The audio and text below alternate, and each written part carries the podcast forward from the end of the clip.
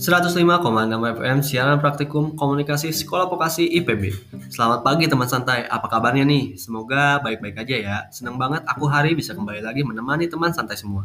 Tentunya dalam program kesayangan kita, Cepat, Cerita Pagi, Kui, siaran praktikum komunikasi sekolah vokasi IPB. 105,6 FM siaran praktikum sekolah vokasi IPB. Teman santai, di mana saja kamu berada, selamat pagi dan selamat menjalankan aktivitas. Dan seperti biasa, aku bakal menemani pagi teman santai semua dalam 45 menit ke depan. Tentunya dengan cerita asik untuk mengawali pagi kamu. So stay tune terus di Top FM Radio dalam program Cepat Cerita Pagi Kui Siaran Praktikum Komunikasi Sekolah Vokasi IPB. 105,6 FM Siaran Praktikum Sekolah Vokasi IPB. Masih di Top FM Radio dengan aku Hari dalam program Cepat Cerita Pagi Kui. Bagaimana pagi kamu hari ini teman santai? Mungkin banyak dari teman santai semua yang sedang bosan karena ada yang harus kuliah atau mungkin sekolah daring. Atau ada beberapa dari teman santai semua yang mungkin sedang sibuk nih belajar skill baru di rumah. Apa pun itu, memang saat pandemi seperti ini, kita dituntut untuk tetap diam di rumah teman santai. Jangan sampai kita keluar rumah untuk urusan yang sebenarnya tidak terlalu penting dan membahayakan orang terdekat kita. Kan jadinya ngeri teman santai. Ya nggak sih? Tapi kalau memang teman santai harus keluar rumah nih, jangan lupa untuk tetap jaga kesehatan dan tetap mematuhi aturan protokol kesehatan yang ada ya teman santai. Karena peraturan ada diciptakan untuk menjaga kesehatan dan keamanan kita semua tentunya. Tapi ngomong soal peraturan kesehatan, aku ada info menarik nih teman santai. Teman santai pasti tahu dong kalau pelanggar protokol kesehatan di tempat umum seperti Jakarta dan kota-kota besar lainnya dikenakan biaya denda atau biaya administrasi yang berbeda-beda. Ada yang 100 ribu, bahkan ada yang 500 ribu teman santai. Waduh, gede juga ya. Tapi itu udah biasa kayaknya ya. Iya nggak sih teman santai? Mungkin nggak sih bikin jira gitu pelanggarnya? Hmm. Tapi mungkin hukuman di beberapa kota ini bakal bisa bikin pelanggar protokol kesehatan jadi jerah nih. Seperti yang dilakukan di ibu kota Jakarta nih teman santai beberapa waktu lalu pelanggar disuruh untuk membersihkan fasilitas umum selama satu jam. Waduh, mantap juga ya teman santai. Bayangin deh, kamu lagi buru-buru terus ketahuan ngelanggar. Ya disuruh bersihin jalanan satu jam atau fasilitas umum lainnya. Malas nggak tuh niatnya mau ngelanggar, pasti batal tuh nggak jadi. Beda lagi ceritanya sama kabupaten di Sidoarjo nih teman santai. Kalau kamu ketahuan melanggar protokol kesehatan seperti tidak menggunakan masker, siap-siap untuk disuruh berdoa di pemakaman COVID-19. Eits, tapi sebelum ngedoain nih, kamu disuruh ngebersihin juga makamnya teman santai. Iya, menarik juga kan hukuman dari Sidoarjo ini. Tapi belum beres di situ hukumannya katanya. Kamu juga disuruh ngebersihin fasilitas umum lagi. Waduh, banyak banget tuh hukumannya. Berdoa di makam aja kayaknya udah serem banget deh. Kalau kamu berani gak tuh teman santai? Kalau aku sih lebih baik turut aja. Biar gak ribet ke sananya. Tapi kalau teman santai mau, sok mangga. Siap-siap aja buat ngedoain di pemakaman umum dan membersihkan makamnya. Lanjut lagi kita ke kota Madiun. Madiun juga nggak mau ketinggalan perihal hukuman yang dikenakan untuk pelanggar protokol kesehatan. Di kota ini, jika ketahuan melanggar, bakal disuruh semprot cairan disinfektan sejauh 1 km. Hah, sekalian olahraga kali itu.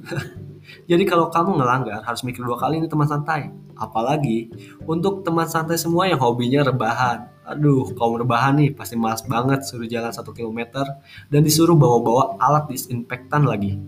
Tapi menurut aku yang juara itu hukuman di Kabupaten Probolinggo.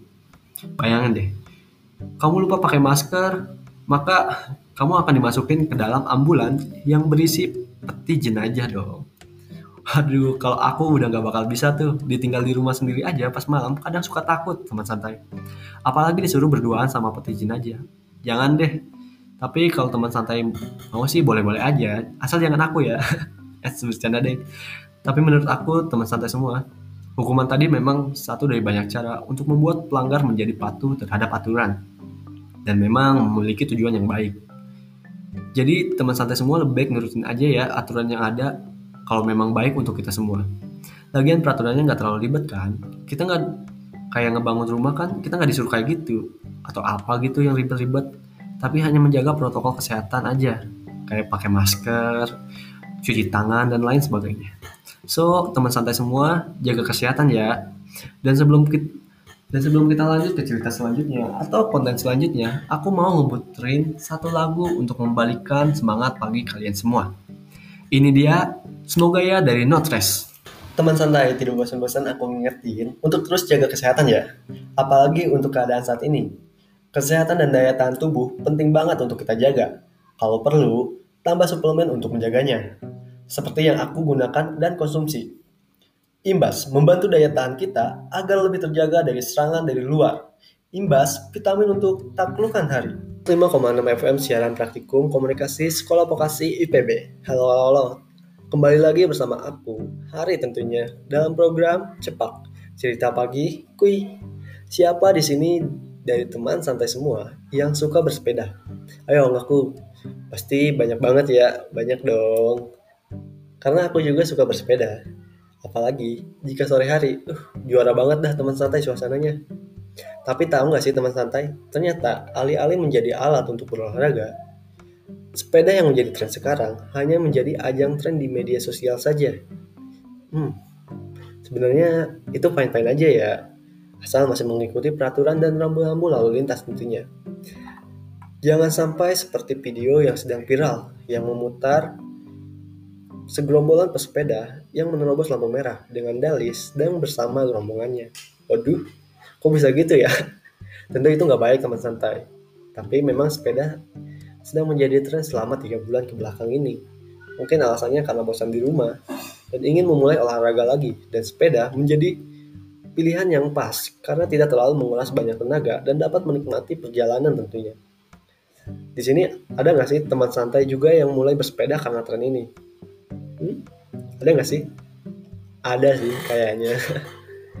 Tapi dilansir dari Instagram Whoop Cikate, Kak Gibran pernah bilang, masyarakat jadi terbuka sama perasaan menyenangkan ketika naik sepeda.